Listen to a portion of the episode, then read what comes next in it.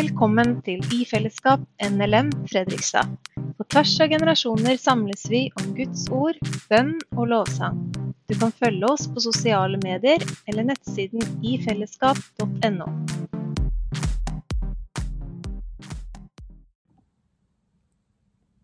Hei. Dere er inne i en periode hvor dere ser på stamfedrenes historie. Og forrige gang så tror jeg Svein Arne har snakka om Isak som ble født, og Abraham som ble satt på prøve. Og i dag så skal vi eh, på en måte ikke gå så veldig inn på Isaks sjekketriks. Han eh, sender nemlig Gud og en tjener for å sjekke opp Rebekka for ham. Eh, og vi går inn i kapittel 25. Og jeg har tenkt å ta dere med gjennom de neste kapitlene, til og med kapittel 29. Og vi er altså i første Mosebok. Ta gjerne fram Bibelen hvis du har den tilgjengelig, og bla litt i den sammen med meg. Abraham han dør veldig gammel, 175 år, og Gud velsignet Isak, sønnen hans, står det. Isak gifter seg relativt seint. Han er 40 år gammel, med Rebekka.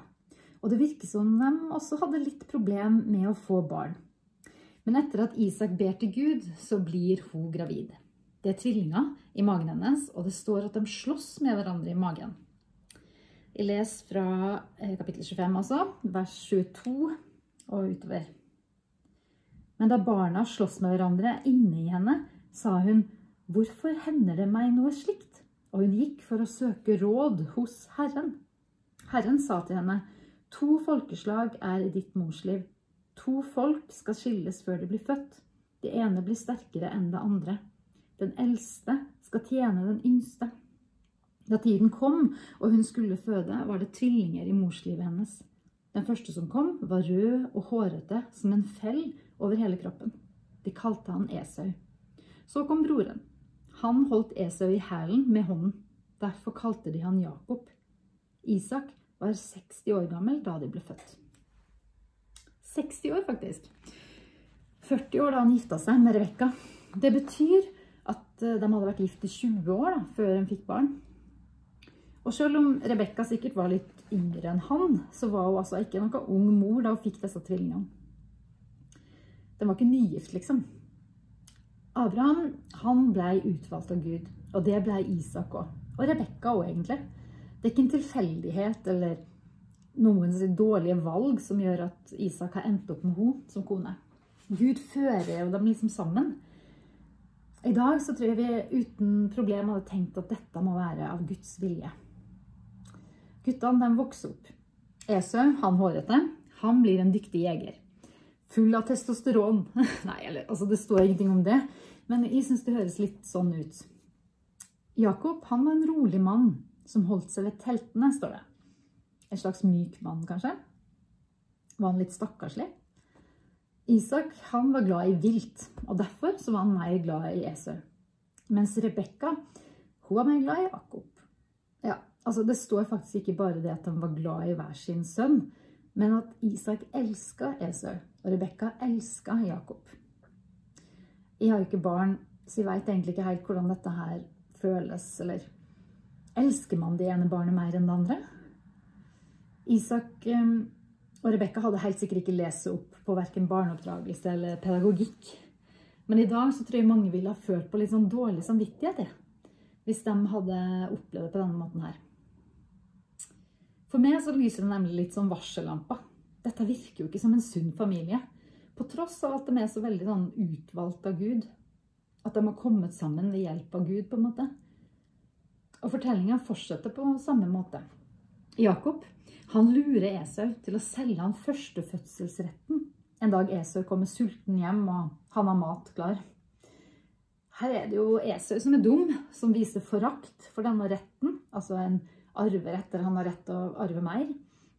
Og Jakob han er en luring som lurer til seg det han egentlig ikke skal ha. Eller hvordan er det egentlig? For i det stykket vi akkurat leste lenger foran, så sto det jo tydelig at Gud sier at den eldste skal tjene den yngste. Hadde Gud forutbestemt dette? Kapittel 26 handler mye om at Gud bekrefter løftet og gjentar at han vil velsigne Isak på samme måte som han lovte hans far Abraham. I eh, vers 4 så står det Jeg skal gjøre din ett så tallrik som stjernene på himmelen. Alle disse landene skal jeg gi til din ett. Og ved din ett skal alle folkeslag på jorden velsigne seg. I vers 24 så står det Jeg er din far Abrahams Gud. Vær ikke redd, for jeg er med deg. Jeg vil velsigne deg og gjøre ætten din tallrik for min tjener Abrahams skyld. Isak er blitt gammel og nesten blind, og ber favoritten sin, den eldste tvilling, om å gå ut og skyte noe vilt til han og lage han et godt måltid. Han tror kanskje at det er et slags siste måltid, selv om det viser seg at han eh, kommer til å leve mange år enda. Kom hit med de velsmakende rettene og la meg spise, så jeg kan velsigne deg før jeg dør, sa han. Og Rebekka hun er òg litt um, uh, til stede her, så hun har lytta til denne samtalen. Og hun klekker ut en plan for sin favorittsønn. I kapittel 27, vers 6, så står det Hør her, jeg hørte at din far snakket med din bror Esau og sa Hent noe vilt til meg, lag noen velsmakende retter og la meg spise. Så vil jeg velsigne deg for Herrens ansikt før jeg dør. Hør nå på meg, min sønn, og gjør som jeg sier. Gå bort til småfe og hent to fine skje, så skal jeg lage noen velsmakende retter til faren din noe han liker godt.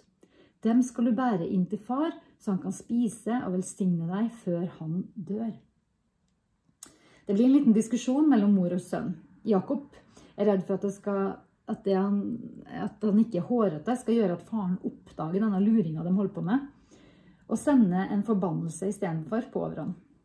Han virker faktisk ikke så veldig redd for å gjøre noe galt, men han er redd for å bli tatt. Men han gjør sånn som mor sier, henter skjea, og hun bruker skinnet til skjea og legger den på armene til Jakob, slik at det skal virke som han er mer hårete han er. Vi leser fra vers 18. Han gikk til faren og sa, 'Far?' 'Ja, min sønn', sa han. 'Hvem er du?' Da sa Jakob til faren, 'Jeg er Esau, din førstefødte sønn. Jeg har gjort det du sa til meg. Sett deg opp og spis av viltet mitt, så du kan velsigne meg.' Isak sa til sønnen, 'Hvordan kunne du finne noe så fort, min sønn?'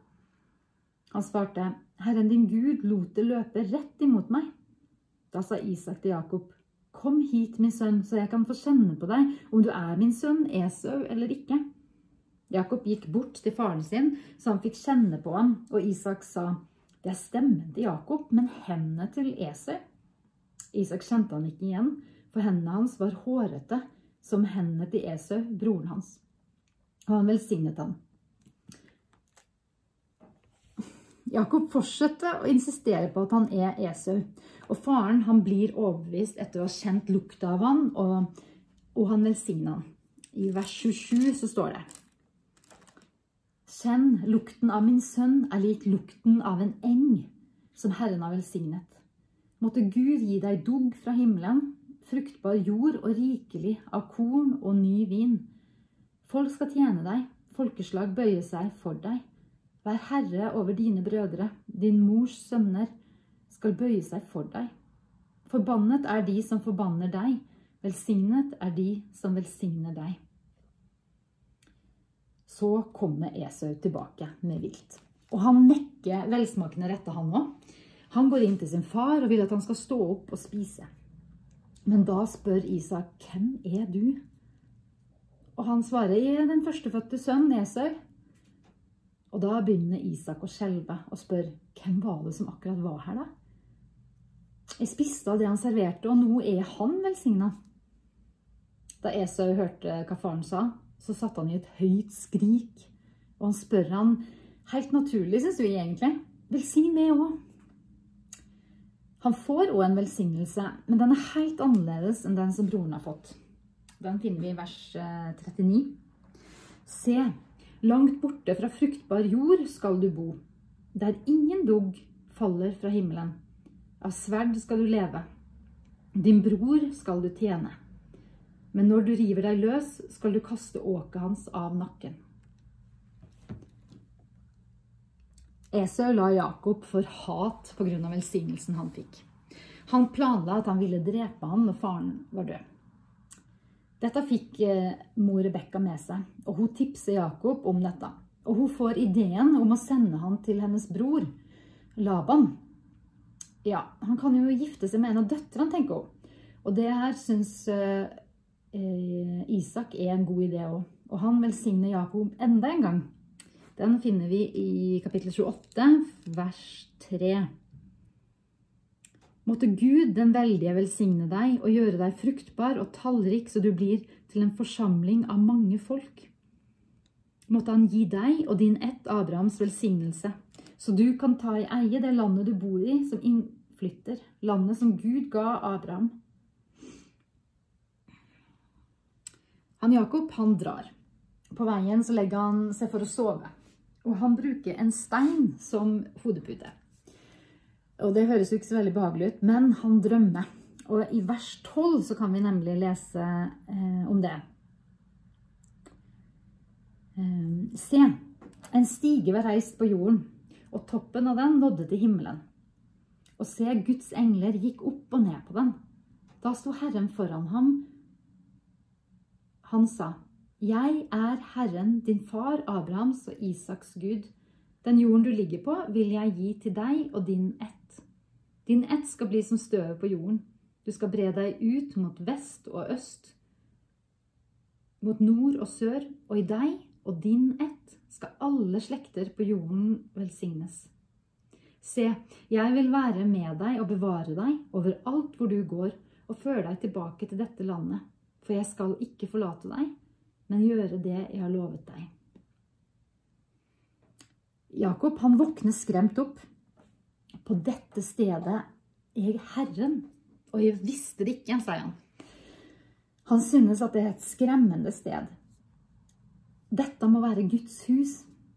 Og så reiser han opp den der hodeputesteinen, som sikkert var litt stor, og helte olje over den, og så kalte han stedet for Betel, Guds hus. Og så gir Jakob Gud et løfte. Det er i vers 20. Om Gud er med meg og bevarer meg på veien der jeg går, om han gir meg brød å spise og klær å ha på meg, og la meg vende tilbake til farshuset mitt i fred, da skal Herren være min Gud. Denne steinen som jeg har reist som en støtte, skal være Guds hus. Av alt du gir meg, skal jeg gi deg tiende.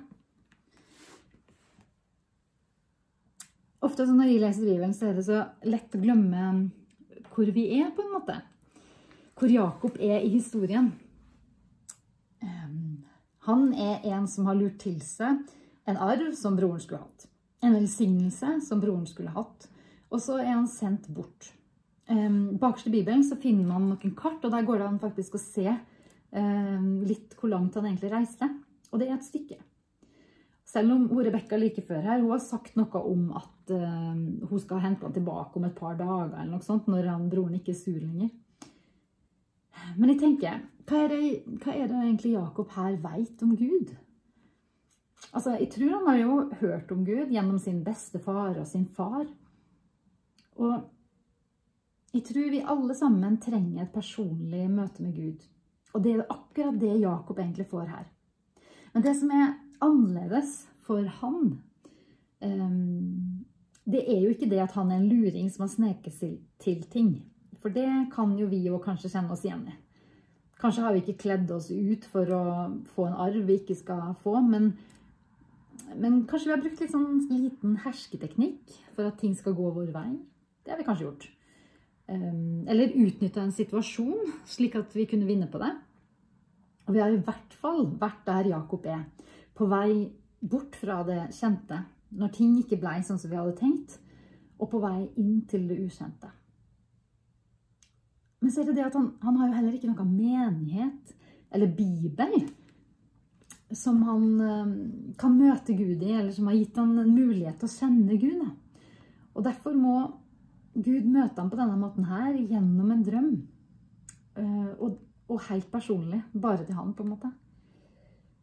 Ok, Jakob går mot øst, står det, og han kommer til en brønn. Der møter han Rakel. Det viser seg at hun er Labans datter, altså hans kusine. Jakob gråter og kysser henne, og jeg antar at det er av glede.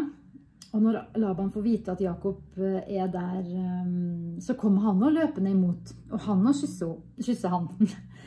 og det er liksom hele greia en veldig hjertelig møte.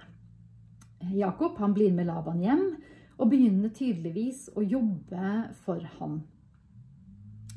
En dag så sier Laban at selv om eh, Jakob er hans slektning, så kan han ikke drive og arbeide gratis. Han vil at han skal ha lønn, og han spør hva vil du ha i lønn? Jakob han er blitt ganske glad i Rakel, og det er hans forslag at han skal arbeide i sju år for Rakel, Labans yngste datter. Ja, for Laban har nemlig en datter til, Lea. Hun har matte øyne, står det, mens Rakel hun er velskapt og vakker. Jakob han jobber i sju år han, for kjærligheten, og da ber han om å få sin kone. Men Laban, som jo bare noen avsnitt foran dette her har vært så veldig hjertelig, han lurer Jakob. Han lager en bryllupsfest, men på kvelden er det Lea han fører inn til Jakob. Jeg er litt usikker på hvorfor ikke han merker det med en gang. Men morgenen etter så merker han det i hvert fall. Og, for, og da forstår Jakob at eh, det er Lea han er blitt gift med. Og så spør han hvorfor har du lurt med Laban? Egentlig så er det jo nesten litt på, til pass for han. Han har jo vært en luring sjøl og lurt folk. Men Labans forklaring er at man kan ikke gifte bort den yngste først. Og han sier at han kan få Rakel òg, men da må han bli og jobbe sju år til. Jeg har ofte trodd at eh, det handler om at han måtte han jobbe i sju år til, og så ble han gift med Rakel. Men det er egentlig ikke det som står. Han eh, lot bare den bryllupsuka gå med Olea, og så tok han Rakel til seg etterpå. To koner på to uker eller noe sånt da. I tillegg så er det noen slavekvinner som er nevnt innimellom her. Og de som kjenner historien godt, vet òg at eh, de må komme ganske nær han etter hvert. Men den historien er kanskje for neste gang. Jeg har lært at Bibelen den er først og fremst en frelseshistorie. Guds frelseshistorie. Hans redningsaksjon for å redde oss etter at synden har kommet inn og ødelagt. Og Det finnes utrolig mye visdom og gode råd i Bibelen. Men den er ikke egentlig en bok om hvordan vi skal skaffe oss en kone, eller få barn, eller oppdra barn. Og når det gjelder dette, så syns ikke historien om Jakob inneholder så veldig mye forbilledlig familieliv. Ja, det er jo romantisk, da. Det at han jobber lenge for Rakel og sånn. Det skal han ha. Ehm, men hvorfor er denne historien med i Bibelen? Den handler om hvordan Gud velger ut sitt folk. Disse folka her. Og vi kan skimte den store redningsaksjonen som er i gang. Selv om det er snakk om velsignelse som for meg kan virke så begrensa når det gjelder kun den ene sønnen. Og, um, så, skal denne, så skal den gjennom denne familien, denne slekta, skal alle slekta velsignes. Så det er jo ikke en begrensa velsignelse. Hele jorda. Og disse folka vi har hørt om i dag, som lurer hverandre og favoritiserer, dem er Guds utvalgte. Det at de ikke framstilles bedre, på en måte, Eh, får meg til å tenke at Bibelen eh, er ganske troverdig. Hvorfor skulle noen ha funnet på dette her? Jakob han er en underdog på en måte. Og det er jo vanlig i historiefortellingen at den yngste, og kanskje den som er litt sånn stakkarslig, blir den sterkeste og vinneren, helten, på en måte. Men jeg syns på en måte at han bare vinner på en, måte. Han er ikke sånn ordentlig vinner, kanskje. Historien er liksom mer nyansert, fasettert. Alle er litt helter her, på en måte. Eller kanskje mest at alle er litt antihelter. I forberedelsene så har jeg tenkt mye på den setningen fra en kjent sang. Jakobs Gud skal meg bevare. Eller er deg bevare? Ehm, og jeg veit ikke om du kjenner det igjen i Jakob. Om du føler at du har en kone for mye, kanskje. Eller en bror for mye. Eller en bror som er for mye. At du har en foreldre som elsker din bror eller søster mer enn de elsker deg. Jeg har hatt problemer med å forstå dette her med den ene velsignelsen som når Jakob har fått den, så kunne ikke tas tilbake eller endres. Og hvorfor Gud, på grunn av denne feilen, velger Jakob? Eh, for det er det som skjer. Eller kan våre feil gjøre at Gud skifter mening, eller, eller var det sånn det skulle være hele tida? Jeg veit ikke. Men det er heldigvis ikke sånn at Gud enten velger det eller din bror. Vi lever i den nye pakt etter Jesus. Han vil ha med alle til himmelen. Han vil at alle skal bli frelst. Og han døde for oss alle. Det er det ingen tvil om. Og så er han en personlig Gud. Det er enda enklere å se for oss som har hørt om Jesus, som gikk på jorda og møtte folk og tok på folk og ga folk mat. Men Jakobs Gud er òg en personlig Gud. Og det er den uforanderlige Gud, den samme Gud, som møter Jakob personlig. Sånn som han hadde møtt bestefaren og faren. Og det her er noe av det jeg tror vi kan lære av Jakobs Gud. At det er ikke Jakob som er helten i historien. Det er fortsatt Gud. Som det var for Abraham og Isak òg. Det er fortsatt Gud som gjør. Det er fortsatt han som frelser. Det er hans frelseshistorie dem er en del av, og vi er en del av. Og sånn er det for oss òg. Altså, Jakobs Gud er vår Gud, som skal bevare oss også. Uansett hvor rotete eller lite perfekt familien din er, eller livet ditt, kan se ut innimellom. Om du er på en ukjent plass, på en måte. Gud vil og kan bruke det. Gud vil møte deg, også personlig. Jeg syns det er veldig fint det som står i kapittel 28, vers 15. Se, jeg vil være med deg og bevare deg overalt hvor du går og føre deg tilbake til dette landet. For jeg skal ikke forlate deg, men gjøre det jeg har lovet deg. Han som sier dette til Jakob, han skal bevare oss også. Det er veldig godt å kjenne på. Jeg tror jeg skal be en liten bønn. Himmelske Far, jeg takker deg for at Jakobs Gud er vår Gud òg. Jeg takker deg for at du har gitt oss en troverdig bibel med ekte mennesker og jeg takker deg for at uansett om livet vårt um, er sånn som det skal være, eller om det ser rotete ut, eller eh, vi har, er fulle av feil og gjør feil, så har du lova å uh, bevare oss. Så har du sendt uh, en redningsplan for å frelse oss. Og så kan vi få lov til å tro på det. Takker for Jesus. I ditt navn. Amen.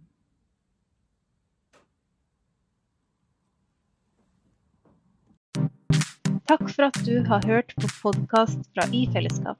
Vi håper det blir til velsignelse for deg. Vårt mål er å finne de som søker, og bevare de som tror. Sammen vil vi dele livet, tjene hverandre og vokse som Jesu etterfølgere. Velkommen tilbake.